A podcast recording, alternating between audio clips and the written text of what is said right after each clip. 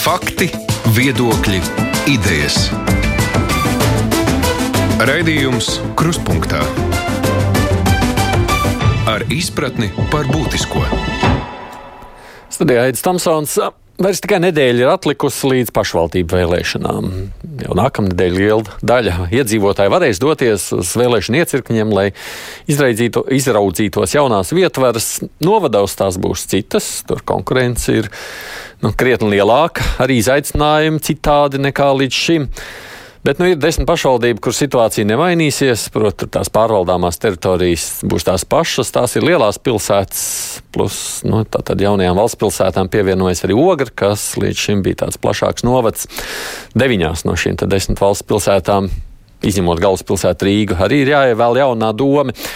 Atšķirībā no apvienotajiem novadiem pilsētās galvenie izaicinājumi gan ir zināmi, kādi tie ir, kāda ir perspektīva arī lielajām pilsētām, Gatavojoties nākamās nedēļas vēlēšanām, šodien runāsim par pilsētām.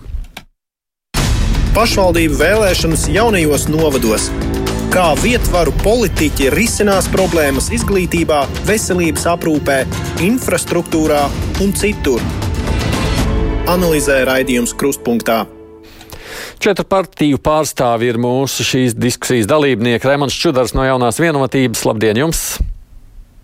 Labdien! Andris Rāviņš no Zaļo un Zemnieku savienības. Sveicināti! Labdien! Aleksandrs Bartaševičs no Saskaņas. Labdien! Labdien. Un Gatis Zamurs no Latvijas attīstībai. Sveicināti! Labdien! Droši vien, lai mēs vispār varētu kaut kādā veidā to sarunu veidot tādu, ka arī jūs varat pateikt tās savas svarīgākās domas, es iesākšu tādu ļoti tipisku priekšvēlēšanu tematu, jeb jautājumu, kas, ko es pats nepārāk labprāt parasti daru, bet šoreiz to darīšu. Nosauciet vienkārši savas tādas, jūsuprāt, svarīgākās. Ņemsim trīs lietas. Um, trīs lietas, tie svarīgākie uzdevumi, kas, uh, jūsuprāt, ir jāīsteno uh, pilsētas vadībā, domājot tieši par pilsētas attīstību. Brāviņ, kungs, jums ir ļoti gara pieredze. Sākam ar jums. Paldies. Um, protams, ka šīs trīs uh, svarīgās lietas mums ir uh, izglītība, jāturpina izglītības um, gan uh, tīkla optimizācija, gan arī visas sistēmas sakārtošana, lai mēs varētu iegūt aizvien kvalitatīvāku, kvalitatīvāku izglītību. Otra temats, protams, ir um, uzņēmējdarbība, un uzņēmējdarbība šeit sadalās ar infrastruktūra, infrastruktūras nodrošinājums investīcijām, investīciju piesaistē un uzņēmējdarbības attīstībai. Un trešais, protams, ir šodien ļoti svarīgā tēma - sociālā, sociālā atbildība, sociālais pabalsts, sociālā palīdzība un, protams, protams veselība zem sociālās palīdzības. Arī, protams, ir veselība, veselības nodrošinājums veselības pakalpojumu pieejamība mūsu pilsētas iedzīvotājiem. Mm -hmm. Bartaševičs kungs, Reizekne ir līdzīga vai vispār skatoties uz pilsētām no jūsu kā saskaņas puses? Pa lielam līdzīgi, bet varbūt arī citiem vārdiem. Protams, ka pirmais uzdevums, ko mēs redzam, kas iztenojams tuvākā nākotnē Reizekne, ir cilvēku aizplūšanas apturēšana Un, attiecīgi, šis uzdevums sadalās uz vairākiem uzdevumiem, starp kuriem arī ir to, ko mans kolēģis teicis no, no Ilgavas. Jā, izglītība, protams, mums darba kadri ir svarīgi. Mums ļoti svarīgi pacelt algas mūsu uzņēmumos. Priekš tam, protams, vajag palīdzēt uzņēmējiem, lai viņi sakārtotu savu vidi. Uh, lai būtu iespēja mierīgi investēt iekārtās, nedomājot par ražotnes infrastruktūru, tādu, kuru var uz sevi paņemt pilsēta vai pašvaldība.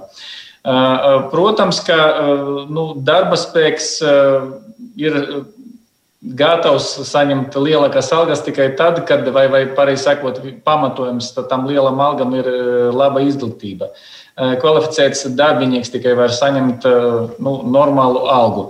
Eh, viņš arī būs gatavs strādāt modernajā uzņēmumā, uz kuriem mēs mērķējam tagad, un nu, kas, kas, ir, kas ir pilsētas mērķis - atbalstīt tieši inovatīvus uzņēmumus un uzņēmēju darbību. Protams, ļoti svarīga, tā, tā, lai apturētu aizplūšanu pilsētas vidi, vide, lai tā būtu piemērota vairākiem uzdevumiem, vairākiem cilvēkiem un faktiski apmierinātu jebkuru. Tur mēs arī ļoti daudz strādājam. Un, nu, Mēs, mēs ka jau 12 gadus strādājam, kolēģi ir, ir kas vairāk. Viņi ļoti visu to, to bildi labi redz, kas ir nepieciešams, lai sasniegtu noteiktu mērķi. Mm. Tas pats jautājums arī pāriem Zamurkungs, skatoties no Latvijas attīstībai viedokļa. Skatoties no Latvijas attīstībai viedokļa un runājot par jūrmalu, tas, tas, tā, tā, lielā lieta ir viena. Viņa sev ietver ļoti daudz. Un, un tā kā jūrmala tagad iegūs šo jauno valsts pilsētas statusu, būtu laiks arī jūrmalai uzvesties nu, kā, kā valsts pilsētai, nevis kā tādam Rīgas piedēklim. Un tas sevī savukārt eh, ietver jau lietas, ko mēs iepriekš esam dzirdējuši. Protams, ka mums ir izaicinājumi um, izglītības jomā, uzņēmējdarbības jomā, kur joprojām jūrmala dzīvo ar tādu ļoti izteiktu sezonalitātes pīķi, un līdz ar to apgrūtina uzņēmēju darbu pārējā, pārējā gada laikā. Nu, sociālajā aprūpē, sociālajā aprūpē mums ir arī diezgan daudz izaicinājumu, tādi, kuri, nu, kuri nu, jāsaka, nepiestāv valsts pilsētai. Nu, un infrastruktūra es droši vien varētu turpināt, bet, bet tas, tas, tas galvenais uzstādījums, tas galvenais virziens ir, ka jūrmalai kā valsts pilsētai ir arī nu, jābūt un jāuzvedās kā valsts pilsētai. Čudarkungs, paskatīties nāksies globāli vai ne uz šo lietu kopumā? Ja mēs runājam par prioritātēm, tad šeit es gribu minēt vienu no galvenajām, manuprāt. Tas ir radikālas izmaiņas daudz dzīvokļu ēku tehniskajā un energoefektivitātes stāvoklī. Mēs runājam par pilsētvidi, mēs nākam no lielām pilsētām, kur šis dzīvojamais fonds ir nolietots, un procenti, kas šobrīd ir renovēti, ir, ir tiešām ļoti zemi. Tur jābūt radikālām izmaiņām, un te ir jautājums par pašvaldības vēl lielāku iesaisti, gan finansiālā atbalsta veidā, gan arī e, konsultāciju un šo daudzdzīvokļu ēku dzīvokļu īpašnieku e, pavadīšanu šajā gan tehniskajā, gan juridiskajā procesā. Mums ir relatīvi ierobežots laiks Eiropas Savienības e, naudas apguvēja šajā, tieši šajā programmā. Tādēļ visiem spēkiem mēs esam ieinteresēti, lai šis mājokļu fonds kardināli izmainītos.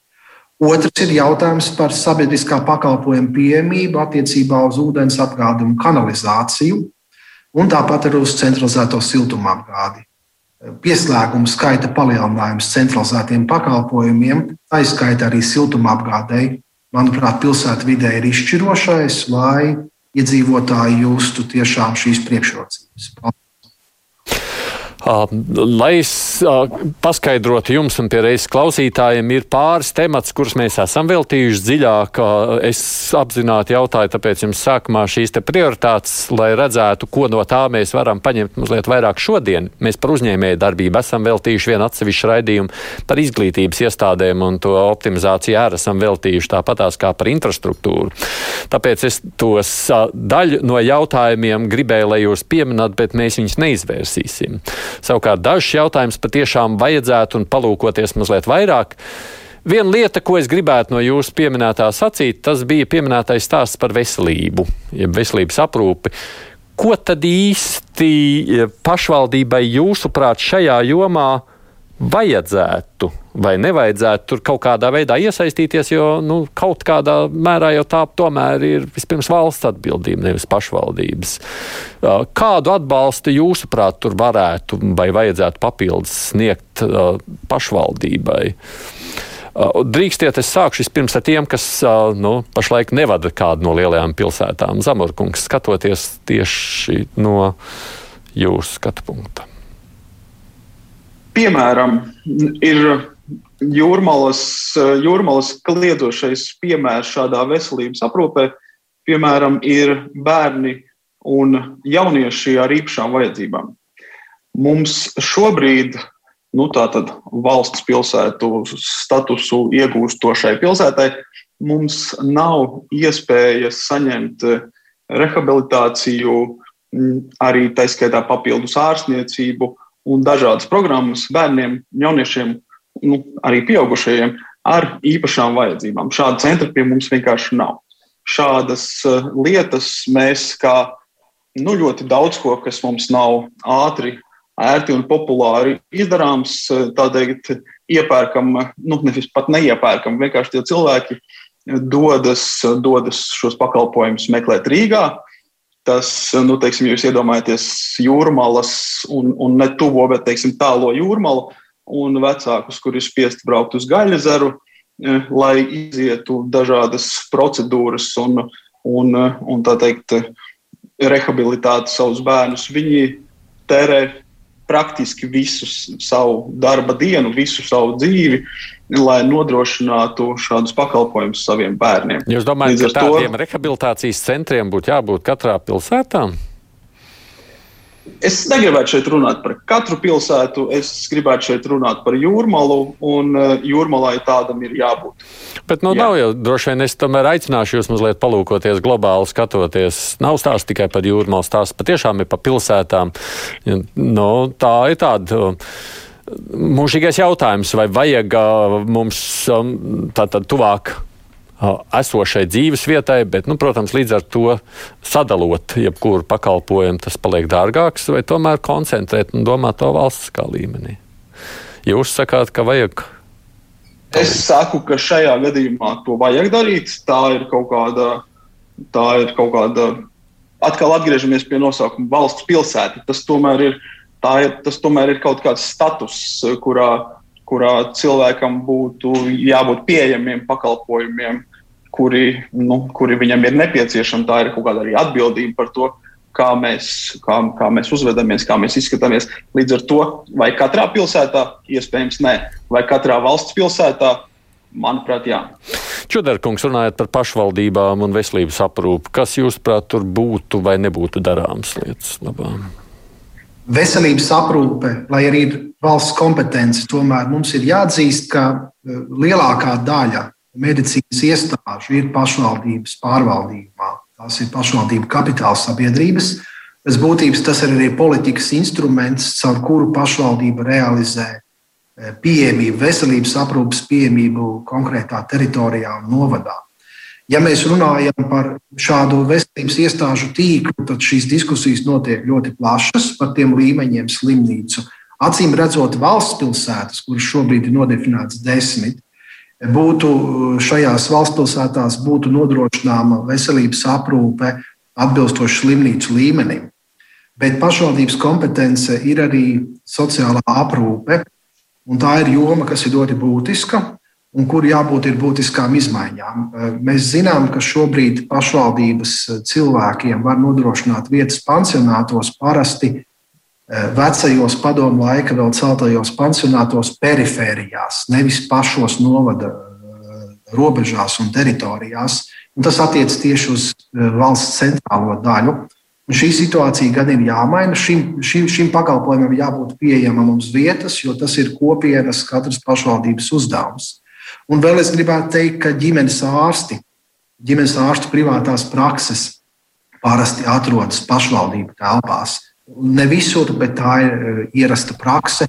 Tas ir jautājums par pašvaldību spēju šo, šo prakšu vietas nodrošināt, eh, radot normālas telpas šādām ārstniecības iestādēm. Bartaševičs kungs, jūs, piemēram, palīdzat savām pilsētām, ģimenes ārstu praksēm, kādā veidā vispār iesaistas pašvaldība medicīniskajā aprūpē?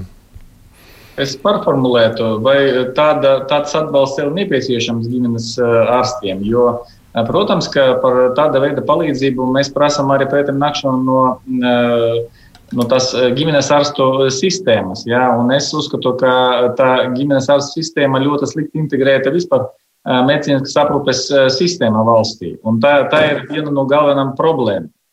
Uh, un to es, es arī gribēju šeit iezīmēt, ka uh, mums vajag kaut ko darīt, lai uh, nebūtu ziniet, tāda, tādas, ka, kad ir konfrontācijas starp slimnīcām reģionālam un ģimenes ārstiem un, un ģimenes ārstu praksēm.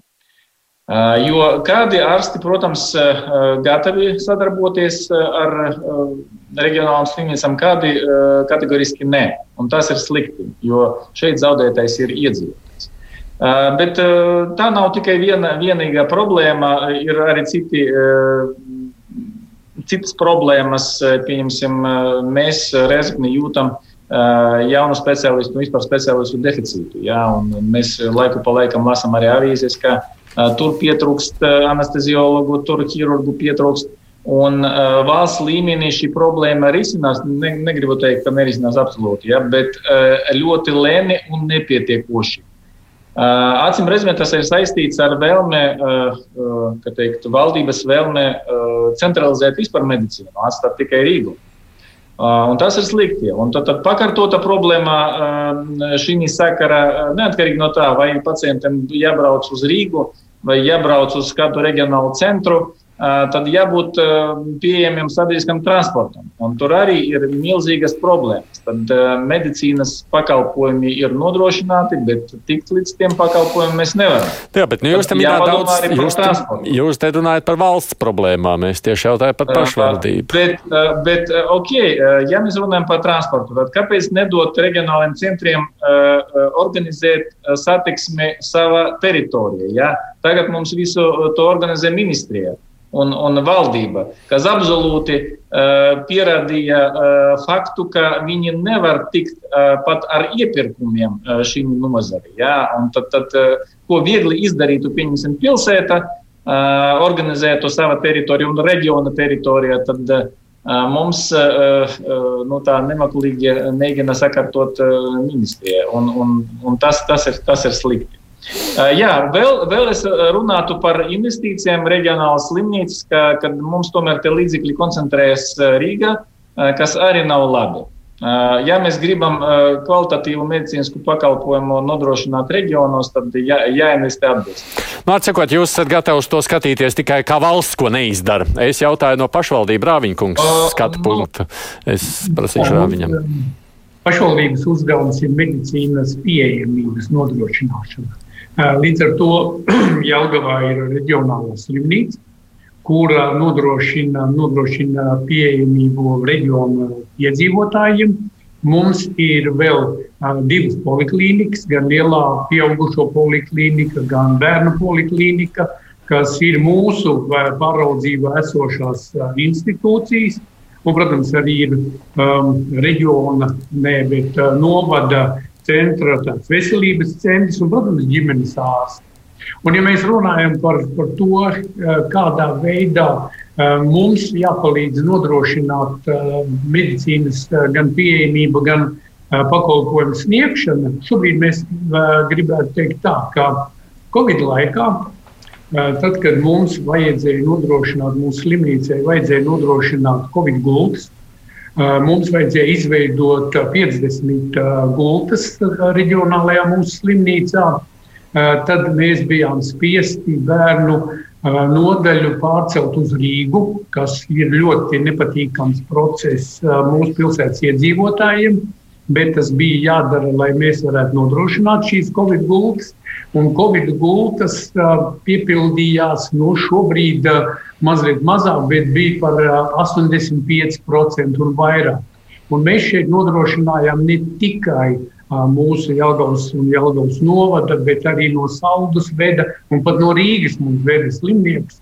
Līdz ar to mēs šobrīd nodrošinājām to, lai mēs nepārtrauktu veselības aprūpi visiem. Un tas tā skaitā arī poliklinikā esošie ģimenes ārsti. Mēs visi strādājam, mums jāsaka paldies visiem mediķiem, milzīgi paldies par ieguldījumu, ko viņi ieguldīja, lai nodrošinātu šo veselības aprūpi. Gan Covid kontekstā, gan arī ikdienas kontekstā Un es gribētu teikt, ka jā, šobrīd Aleksandrs runāja par naudas un, un šo divu pēdējo gadu naudas nodrošinājumu slimnīcas attīstībai. Tad, ja, ja kolēģi slimnīca saņēma vairākus daudzus miljonus, tad Jālgavas slimnīca savai attīstībai saņēma 500 tūkstoši kas apliecināja, ka Jālgavas slimnīca ir ļoti stipra slimnīca, jo viņai nevajag vairāk neko. bet te pašā laikā es gribētu teikt, ka mums apliecināja šis laiks, apliecināja, ka mēs nevaram uh, rēķināties tikai ar Rīgas un Rīgas kapacitāti.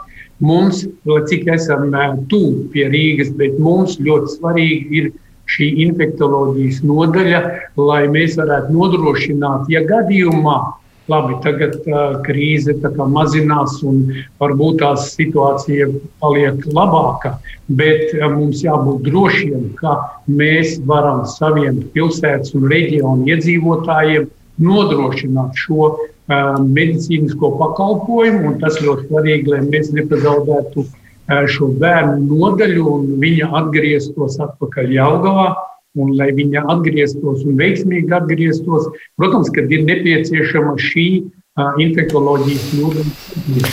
No jā, labi, es pieļauju, ka mums viena daļa ieslēg jautājums, kurā ir tā valsts un pašvaldība atbildība, bet nu, tas sadarbības jautājums.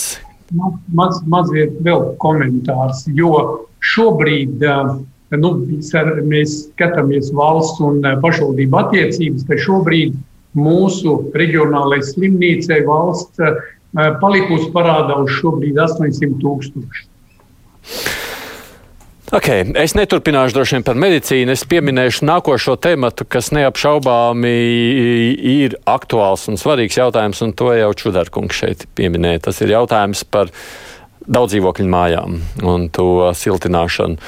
Lieta, kas Latvijā ļoti buksējusi un kur no pašvaldībām varētu būt ļoti daudz kas atkarīgs. Protams, Rīga vienmēr bijis kā viens tas sliktais piemērs, bet vispār skatoties uz to visu, pašvaldības varētu nākt klajā ar krietni lielāku iniciatīvu, ja vien tās kaut ko darītu.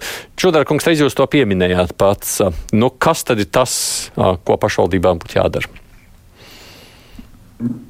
Tas, ko ir jādara, Tie labākie piemēri mūsu valstī ir saistīti ar pašvaldību pārvaldnieku vai pārvaldīšanas kapitāla sabiedrību ļoti aktīvu līdzdalību šī renovācijas procesa organizēšanā. Mēs runājam par Valmieru, piemēram, eh, vai pat Cēsīm, tur, kur pašvaldība bija saglabājusi pārvaldīšanas eh, pakalpojumu pašvaldību kapitāla sabiedrību rokās un caur to arī veicinājusi šī procesa aktivizāciju. Bet tā situācija ir ļoti dažāda. Arī Rīgā vairāk kā 50% no dzīvojamā fonda pārvalda Rīgas nama pārvaldnieks, bet, kā jūs arī minējāt, šie rezultāti nav. Pašvaldības gadījumā ir divas lietas. Pirmā lieta ir pašvaldība atbilstoši likumam, ir tiesīga sniegt finansiālu atbalstu māju energoefektivitātes pasākumu veicināšanā. Tā ir kopēja nauda, tas ir kopējs maksas, un tas ir atbilstoši saistošiem noteikumiem. Tiek e, finansēts zināms grāns mājām, kuras šo procesu veids vai ir jau veikušas. Tas ir runa vienkārši par finansiālu atbalstu no pašvaldības puses renovāciju. Tā kā daļa no izdevumiem nosakt. Jā, tā ir daļa no izdevumiem. Tie, protams, izdevumi ir milzīgi. Tā parasti katrā novadā tas ir mazliet savādāk. Šādas programmas ir daudzos novados, atbilstoši saistošiem noteikumiem, un pašvaldība piedalās ar finansiālu ārtavu daudzdzīvokļu māju renovācijas procesā. Salaspils gadījumā, piemēram, mēs runājam šobrīd par līdz 15,000 eiro vienai renovētai ēkai, energoefektivitātes sasniegšai ēkai ir nodoms šo finansējumu palielināt, lai šis process kļūtu vēl e, pievilcīgāks un tiktu aktivizēts. Un otrs jautājums ir par pašvaldības iesaisti tieši e, daudzdzīvokļu namu e, renovācijā caur pakalpojumu sniegšanu, ko sniedz pašvaldības kapitāla sabiedrība. Vai nu tās ir pārvaldīšanas kapitāla sabiedrības, vai nu kā mūsu gadījumā tā ir centralizētās siltumapgādes kapitāla sabiedrība, kuras uzdevums ir pirmkārt nodrošināt uzticamību un e, cilvēku uzticēšanās pašvaldību kapitāla sabiedrībām ir lielāka. Tas ir acīm redzami. Un tādā veidā šobrīd jau esam renovējuši vairākas ēkas, un šis process turpināsies. Te ir viena būtiska nianse sasparojoties pašvaldībai, eh, to pašu sāk darīt arī privātie namu pārvaldnieki, jo daudzi, vismaz salaspēlī, nami tiek pārvaldīti no privātajiem apsaimniekotājiem un piedāvā šo pakalpojumu cilvēkiem. Mums ir jārēķinās, ka mēs runājam par privātu dzīvojamo fondu. Šis dzīvojamais fonds nepiedara pašvaldībām. Tie ir dzīvokļu īpašumi, kas pieder katrai konkrētai personai, un ir nepieciešams šīs mājas lēmums. Turpat divas trešdaļas dzīvokļu īpašnieku lēmums, kas, protams, nevienmēr ir iespējams, vai ir dažādi šķēršļi tam. Piemēram, ir daudz pensionāri, kuri varbūt nesaista šo nepieciešamību eh, veikt šo renovāciju un palielināt energoefektivitāti. Eh, uzdevums ir radikāli šo procesu pātrināt. Jā, jautājums aktuāls. Es pieļauju, ka tas, protams, ir visām pilsētām lielajām šobrīd ļoti aktuāls jautājums. Bartaševičs kungs. No te tik pieminēts granti, nu, plus uzticēšanās vietējām pārvaldes institūcijām. Ko jūs redzat? Jā, mēs, mēs, protams, izmantojam visus šos instrumentus, bet nu, mēs, mēs, cik, cik mēs varam finansēt, mēs finansējam. Jā, protams, nevar salīdzināt pēc ienākumiem Salaspilsnu, Jelgavu un Rēzekni. Mums tā atlikušā nauda, kas parasti pašvaldības tiek lietota tieši tādiem mērķiem, ir diezgan nu, maza. Un, protams, ka mēs mēģinām kaut kā izgrozīties no šīs situācijas. Mums, pieņemsim, ir finansējums, visi projektēšanas darbi mēs finansējam saviem iedzīvotājiem. Bet vienalga tas ne īpaši palīdz atrisināt šo problēmu. Un šī ziņa, protams, ļoti daudz kas atkarīgs no pašiem iedzīvotājiem, no viņu gatavības iesaistīties šī procesā. Ja mēs runājam par pašvaldību kapitāla sabiedrībām, tad mēs arī zinām, ka ekonomikas ministrija jau ilgu laiku vispār ieteica likvidēt tādas sabiedrības vai pārdot, nu, lai, lai nodarbotos ar apsaimniekošanu privātās kompānijas. Ja, tas vispār nav, nav vēlams, ka, ka pašvaldības nu, tā, tā, tāds koncepts mums valstī tagad ir ļoti uh, populārs. Uh, Tad, nu, ko darīt? Ļoti, ļoti sarežģīta situācija. Un varbūt mums ne tik par to siltināšanu vajag tagad domāt jau šobrīd, bet par jaunu māju būvniecību. Un, protams, tagad parādās ekonomikas ministrija jaunas programmas, kur paredzēti granti no valsts, lai būvētu jaunas dzīvojamas platības un piedāvāt izirēt šos dzīvokļus, izbūvētus. Ja? Es domāju, ka tā, tā ir jauna, ka, ka teikt, jauns izaicinājums, un uz kuru mums vajag atbildi rast. Jā, citādāk mēs Proti, varam... Jūs tā kā sakāt, celsim jaunās, jaunas mājas un vecās jauksim no. Tā ir skaita. Vienkārši tā siltināšanas problēma ļoti izlaicīga. Jā, mums, mums nāksies pieņemt lēmumus jaukt, pieņemsim, paneļu mājas. Mēs par to nedomājam. Jā, mēs esam gatavi tagad viņu siltināt, to paneļu māju, kuru pēc desmit gadiem jau mēs nevaram paglābt. Es, es esmu būvnieks un es zinu, par ko es stāstu. Jā, es pats būvēju šīs paneļu mājas vēl padomju mm, savienības laikā. Un es zinu, cik, cik viņi var kalpot un kāpēc viņi var sabrukt ļoti ātri. Tāpēc, jā, ne tikai par siltināšanu vajag domāt, bet arī par jaunu māju būvniecību ne tikai Rīgā, bet arī reģionos. Jo, ja mēs gribam saglabāt reģionus, tad tā ir ļoti aktuāla problēma. Tā labi, Reizeknē visticamāk ne tik daudz siltinās, cik jauks nostās mājas Zamorkungs. Kaugaros, protams, tā ir tikpat aktuāla jautājuma lieta un vispār pilsētu problēma.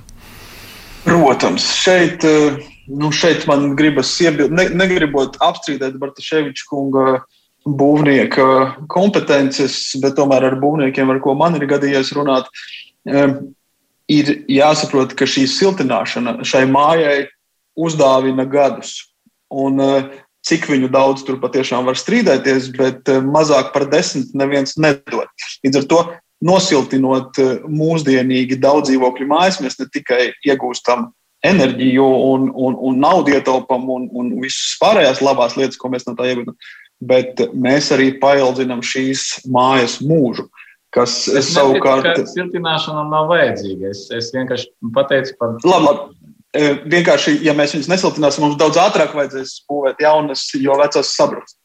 Bet, ja mēs runājam par siltināšanu, man liekas, tā ir, tā ir ļoti liela un svarīga lieta. Un, un vairākas Latvijas pilsētas mums rāda, ka šis process nu, neiet veikli. Un tas, un, un tas, tas, tas teiksim, man izpratne un redzējums par to, kā tas ir jādara, ir ne tikai par tehniskām lietām un naudu, bet primāri tā sākās ar tiem cilvēkiem, kas organizē daudzdzīvokļu māju sapulces.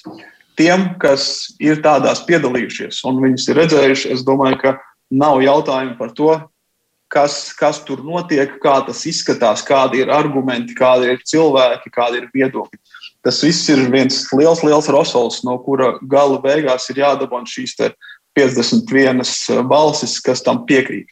Manuprāt, pašvaldības atbalsts ļoti aktīvi varētu sākties jau tieši tajā punktā palīdzot, piedaloties, atbalstot tos cilvēkus, kas ir nodibinājuši šīs, te, šīs te biedrības un, un kuri, kuri, kuri cenšas kaut ko darīt. Tas arī tur ir ļoti svarīgi, jo es domāju, ka liela daļa pro, projektu mirst tieši tur, jo cilvēki saprot, ka viņiem nav ne, ne laika, ne enerģijas ar to visu cīnīt. Bet kā viņus atbalstīt? Tas ir viens. Tajā, kā viņus tajā situācijā var atbalstīt? Fiziski piedalīties fiziski piedalīties tādās sapulcēs, nākt un stāstīt par ieguvumiem, rādīt piemērus, kuri pašvaldībai ir pieejami, rādīt ciparus arī ar ieguvumiem, ko mēs no tā, ko mēs no tā iegūstam. Un plus es uzskatu, ka pašvaldībai ir jānāk ar tehnisko projektu, un, un tas arī ir tūkstoši, kas ir jātērē. Savukārt pēc tehniskā projekta, kuru mēs uzrādām daudz dzīvokļu mājas iedzīvotājiem, mēs jau diezgan konkrētiem cipariem varam pateikt, cik tas viņiem salētinās viņu, viņu, viņu, viņu izmaksas par, par, par enerģiju, plus parādīt, kādā laikā tas atmaksāsies. Tas jau ir, tā, teiksim, tā jau ir tēma sarunai. Tas jau ir, tur jau ir argumentācija, kurā kaut ko var pastāstīt, parādīt un uzprojicēt nākotni, kāda šiem iedzīvotājiem būs pēc tam, kad viņi daudz dzīvokļu māju būs nosiltināti. Tas, manuprāt, ir ļoti svarīgi un arī no pašvaldības puses izdarām. Mm, labi, Rāviņkungs. Jā, nu, es gribētu teikt, ka šeit ir um, divas ļoti lielas un smagas problēmas. Tā pirmā problēma ir tā, ka uh, jau divus gadus atpakaļ OECD pētījums parādīja, ka 85% no Latvijas iedzīvotājiem ar saviem ienākumiem nevar piedalīties savu mājokļa uh, būvniecības un problēmu risināšanā. Līdz ar to mēs uh, griezāmies pie valdības lielās pilsētas griezās pie valdības ar lūgumu rast jaunu modeli, kādā veidā mēs kopā valsts un, un pašvaldības varētu piedalīties un atvieglot jaunu mājokļu būvniecību. Jo šobrīd, ja mēs paskatāmies Jelgavu, Jelgavā, Jelgava bija sagrauta pēc otrā pasaules kara, Pēc tam sākās ļoti spēcīga mājokļu būvniecība, un mēs šodien redzam, kādi tie mājokļi ir un kādi, cik kvalitatīvi viņi ir. To, ko Aleksandrs teica, tas tikai pastiprina to, ka šie mājokļi ir bēdīgā situācijā. Tas, ka viņu ilgtermiņa vēl kalpošanas termiņš ir apmēram 50, 60 gadi, un faktiski jau viņi šobrīd ir iztecējuši.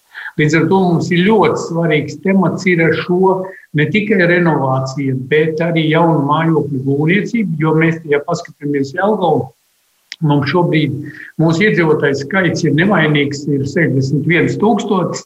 Mums eh, mājas un mājokļi, eh, kas ir pašvaldības eh, tādā pāraudzībā, ir vecās koka mājas, kuras vairs nav eh, lietderīgi un eh, efektīvi eh, atjaunot un renovēt. Mums ir ļoti, ļoti nepieciešamas jaunu mājokļu būvniecība. Līdz ar to mēs esam iesaistījušies ekonomikas ministrijas šajā te, un mēs ļoti rūpīgi strādājam pie tā, lai šis mājokļu būvniecības modelis ar jauno gadu mēs varētu jau sākt būvēt, lai viņš būtu jauna māja, bet ar šiem atvieglotajiem noteikumiem, ja mēs esam uzstādījuši noteikumu, ka tas ir 4, 4,5 eiro par kvadrātmetru īre, tad tā ir šobrīd gan jaunajiem speciālistiem, gan pārējiem visiem pieejama jau pieejama cena, kuru mēs varētu nodrošināt. Līdz ar to mums ļoti svarīgi un steidzīgi turpināt ar ekonomikas ministriju strādāt pie šī modeļa, kas jau šobrīd ir parādījies, kad mēs varam šo ēku jau ar kaut kādiem nosacījumiem nodrošināt cilvēkiem jaunu būvniecību, kas ir ļoti svarīgs. Un tā, siltināšana, es domāju, šobrīd un renovācijas jautājums ir diezgan nu, tāds smags, jo automā pamainījās speciālisti, pamainījās tie cilvēki, kas seko līdzi šim siltināšanas procesam, un tur tā birokrātiskā procedūra ir tik milzīga, ka mēs esam vairāk kārtīgi jau runājuši par to, ka šī birokrātija jāsamazina, lai cilvēki, gan tie, kas var piedalīties šajā procesā, siltināšanas procesā, piedalās, un, protams, arī, arī domā par jaunu mājokļa būvniecības iespējām. Tas ir ļoti, ļoti svarīgs jautājums mums šodien gan visām pilsētām, gan arī, protams, protams Jelgavā. Nu, te es tā tad secinot, un pirms es atgādinu, kas ir studijā, tas ir tikai mans kopsvilkums jūsos klausoties, ja jaunā vienotība un attīst, jā, un savukārt runājot par Latvijas attīstībai, ir par um, to, cik svarīgi būtu to arī kā prioritizēt, par energoefektivitāti un māju atjaunināšanu, tad ZZS un saskaņa saka, ka jaunas mājas jāceļ, vecās tur, tur siltināšana nebūs tā lielākā prioritāte. Tas ir mans secinājums. Jūsos klausoties, kā es jūs sadzirdu, kā jūs to sakāt. Paskatāmies Jaungavas situāciju, kad visa praktiski Jaungava ir uzbūvēta pēckara un tā, ka tas pēckara periods ir bijis tāds, kāds ir. Un tās vecās koku mājas, viņas nu, šobrīd ir viņu vietā jāveido. Un tas, ko Aleksandrs sākumā teica, ka mums ir jāveido šīs jauna māju būvniecība, lai piedāvātu cilvēkiem. Lai piedāvātu jaunu nu, jā, jā, es sapratu par jauno būvniecību. Es te prasīju, ko darīt ar vecām mājām. Jūs sakat, jaucam nost.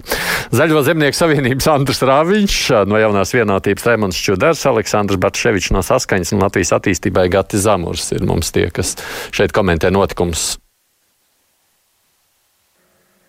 Nē, mums operators šobrīd ir aizgulējies. Es turpinu tālāk. Runājot par citām lietām. Neviens nepieminēja sabiedrisko transportu, un tas man mazliet mulsināja kā prioritātē. Te man arī Roberts aicina, lūdzu, parunājiet par transportu. Piemēram, Salaspīlī ir ļoti neloģiska satiksme. No Salaspils novada var aizbraukt uz bērnu dārzu Salaspīlī, bet, lai tiktu atpakaļ uz mājām, nākamais autobuss ir jāgaida trīs stundas. Sabiedriskais transports kā prioritāte jums, cik liels ir un kāpēc jūs viņu neminējāt? Tāpēc, ka viss ir kārtībā, bet Ševičs kungs. Mums kārtībā. Izņemot tikai, protams, vienu lietu, es vēl apvienotu maršruta ciklus pilsētas un reģionālas, ja, un atdotu pilsētai pārvaldīt nu, visu šo struktūru. Pat cik tas gan loģiski, gan viegli izpildami, Eh, gan mēs arī, arī izplatītu to, to bezmaksas eh, braukšanas režīmu uz eh, novadu. Uh, labi, to pašu jautājumu savukārt pārējiem Rāviņkungs par Jelgavu runājot. Nu, sabiedriskais transports šobrīd nu, pilsētā ir, ir divi ļoti nopietni jautājumi. Tas pirmais jautājums ir tās nu, procedūras un tās paradigmas, kas ir ieviesušās ar Covid.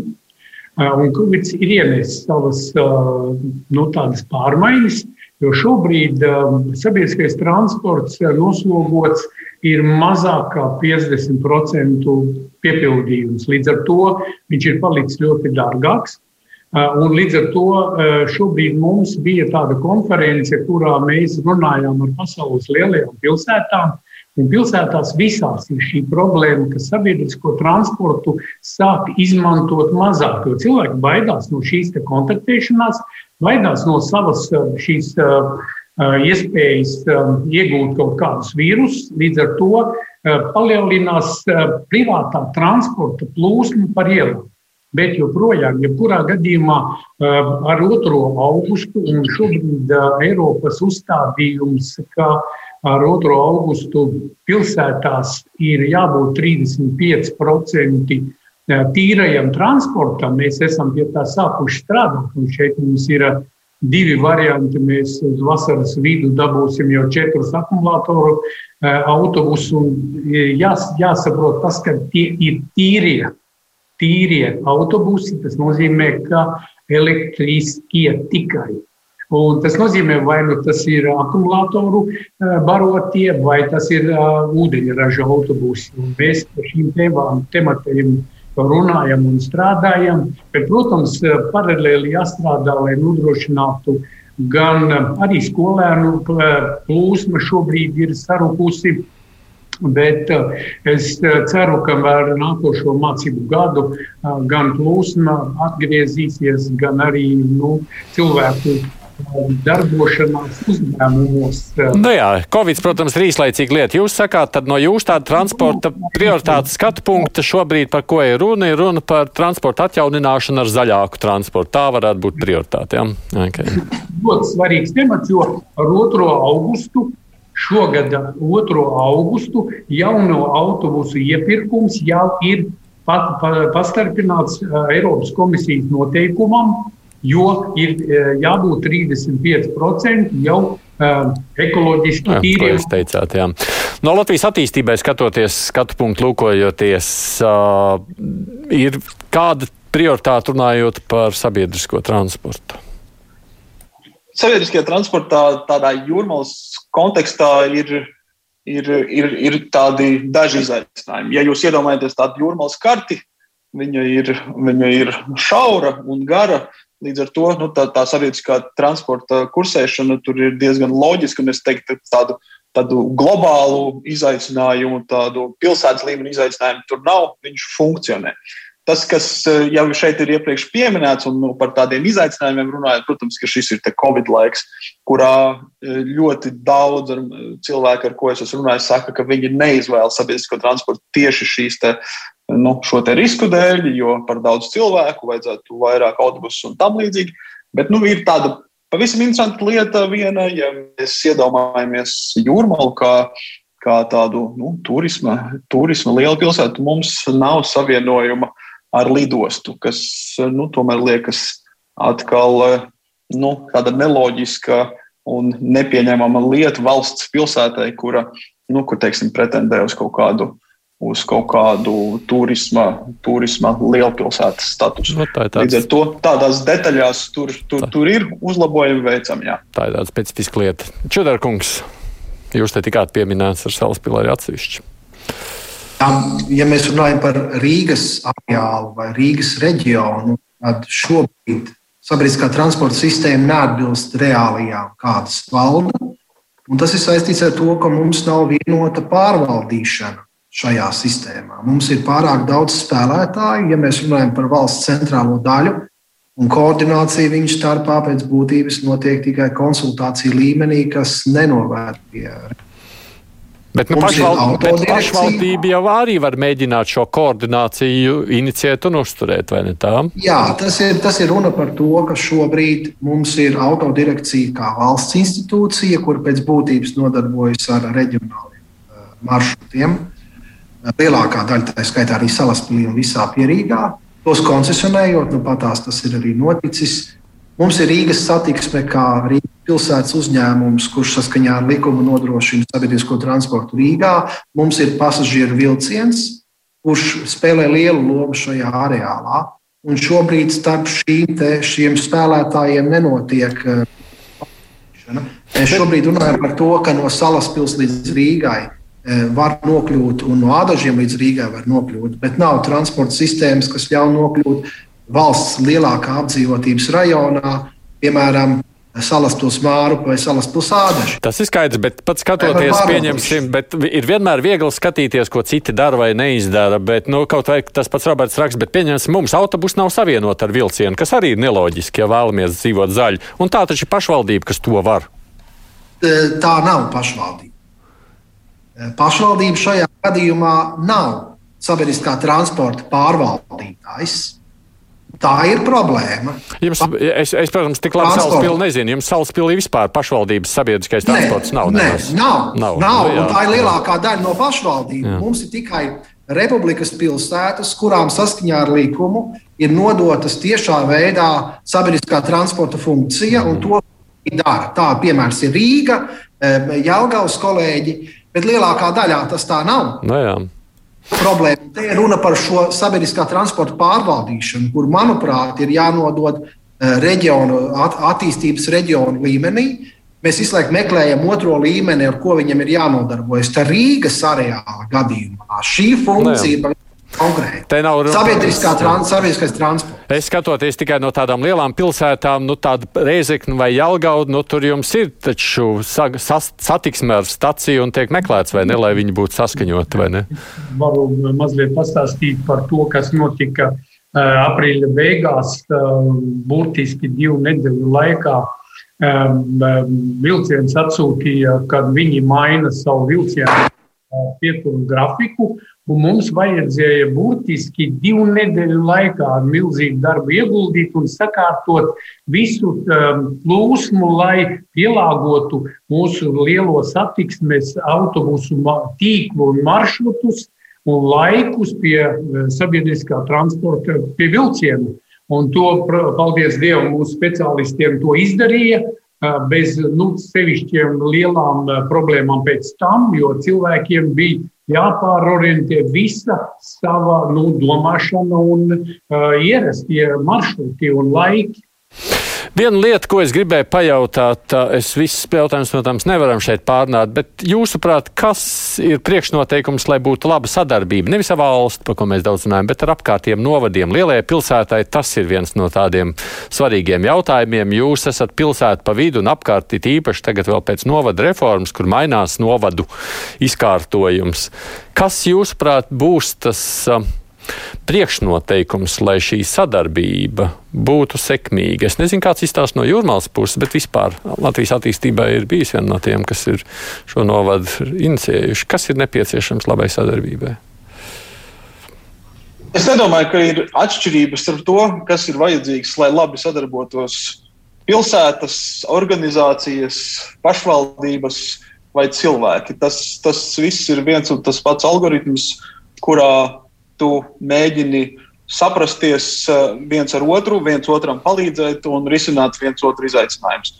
Un tas ir iespējams un vajadzīgs eh, politiskā līmenī noteikti, jo jūrmalai ir nepieciešama laba sadarbība gan ar esošo, nu, teiksim, tātad, eh, blakus esošo jauno to Mārupas novadu, gan arī ar tālā, tālākajiem novadiem, kuri mums teiksim, tukumu šeit, es domāju, kuri, kuri karstākajos laikos piegādā darba spēku jūrmalē, lai varētu nosegt to, kas tur notiek. Es, es domāju, ka tā ir sakarīga, saprātīga saruna ar, ar, ar cilvēkiem, kas pārvalda šos novadus, un, un apusē izdevīgu, izdevīgu modeļu meklēšana. Es nedomāju, ka tur ir kaut kādas īpašas zelta atslēgas. Uh, kas šo kaut kādā veidā noteiks.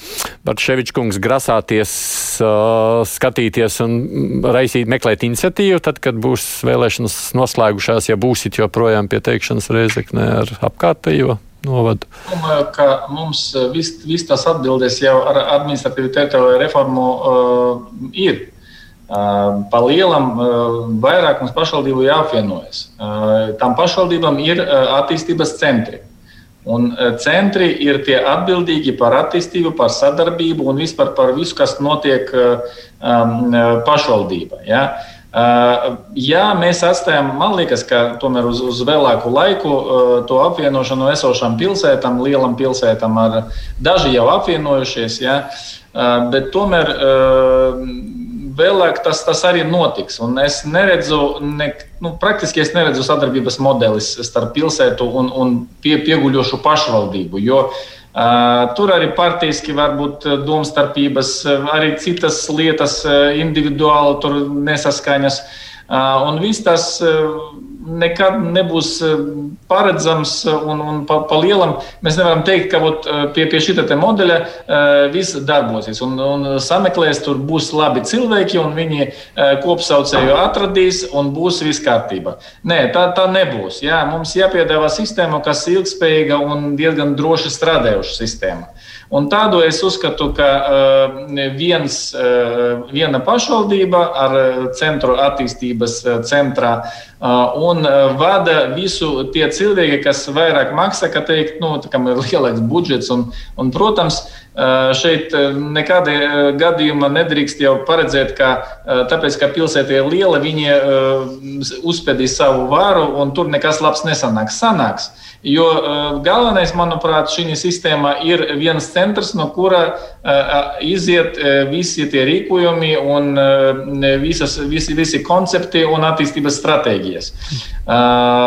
Tikai apvienojoties, mēs varam kādu sadarbību nodibināt. Citādāk, citādāk es neredzu. Es šo jautājumu, man ir tikai divas minūtes uz jums abiem atlikušiem, tāpēc es vairāk šajā brīdī uz Čudarkungu piedodiet skatos. Nu, nav tā, ka lielā pilsēta aprī mazo tās bažas, līdzīgi kā te Bartševičs kungs sacīja. Redziet, jūs jautājat, kas ir sadarbība, kas ir, kas ir sadarbības pamatā? Nu, tur jau nekas jauns nav jāizgudro. Ir jārunā par tām kopīgām problēmām, kuras kopā ir jārisina. Un te arī runa ir par attīstības plānošanu, kas pēc būtības teorētiski tiem pakalpojumiem, kas pārklājās vienā un otrā pašvaldībā, jārisina ir kopīgi. Rīgas un pierīgas problemātika ir zināma. Šobrīd mums ir nodibināts eh, labs kontakts, mums ir eh, biedrība, kurā notiek intensīvs darbs pie tām problēmām, kas skar kopā tās pašvaldības, kas ir pierīgas areālā, Rīgas areālā, gan Lielo Rīgu, gan arī tās, kas ir apkārt Rīgai. Un šeit ir, eh, ir zināms, ir jautājums par izglītības pakalpojumu, kur acīm redzot, cilvēki izvēlās ne jau vienmēr to pašvaldību, kurā dzīvo, bet brauc uz citām pašvaldībām. Tā vienmēr ir bijusi realitāte. Un jautājums ir, ka mēs eh, vismaz plānojot, varam paredzēt tas, kas mums kopā ir nepieciešams. Hmm, jā, Rāviņkungs, pusminūtē. Jums jau tā pieredze, laikam, ir bijusi līdz šim netik sarežģīta. Jā. Mums ar pieguļošo novadu, abiem šobrīd diviem Jelgavas novadu un Ozolnieku novadu, ir kopīgs jau sens līgums par cilvēku aizsardzību, kurā mēs strādājam jau kopā. Šobrīd mums ir maziet līgums jau tāds neliels izglītības sistēmā. Mēs veidojam kopīgu dzimšanas nodaļu. Līdz ar to mēs esam šo jau sākuši. Protams, ka ražotāji, kas graudu ražotāji, kas nodarbojās um, novadā, gan arī Latvijas piens, kurš saņem produkciju no novada un pārējiem. Līdz ar to šobrīd pārstrāde notiek pilsētā. Un līdz ar to mums, protams, ir jautājumi, bet mēs viņus veiksmīgi risinām. Andris Strāviņš no Zaļo zemnieku savienības, Aleksandrs Bartaševičs saskaņai, Raimons Čudars jaunā vienotība, Gatis Zamurs Latvijas attīstībai. Paldies par sarunu šajā reizē. Protams, visi jau noteiks cilvēki bieži vien, ko ievēl un taisnība arī. Cilvēciskais faktors ir ļoti aktuāls. Bet kruspunktā producentiem Junām studijā biju es, Aidis Tomsons.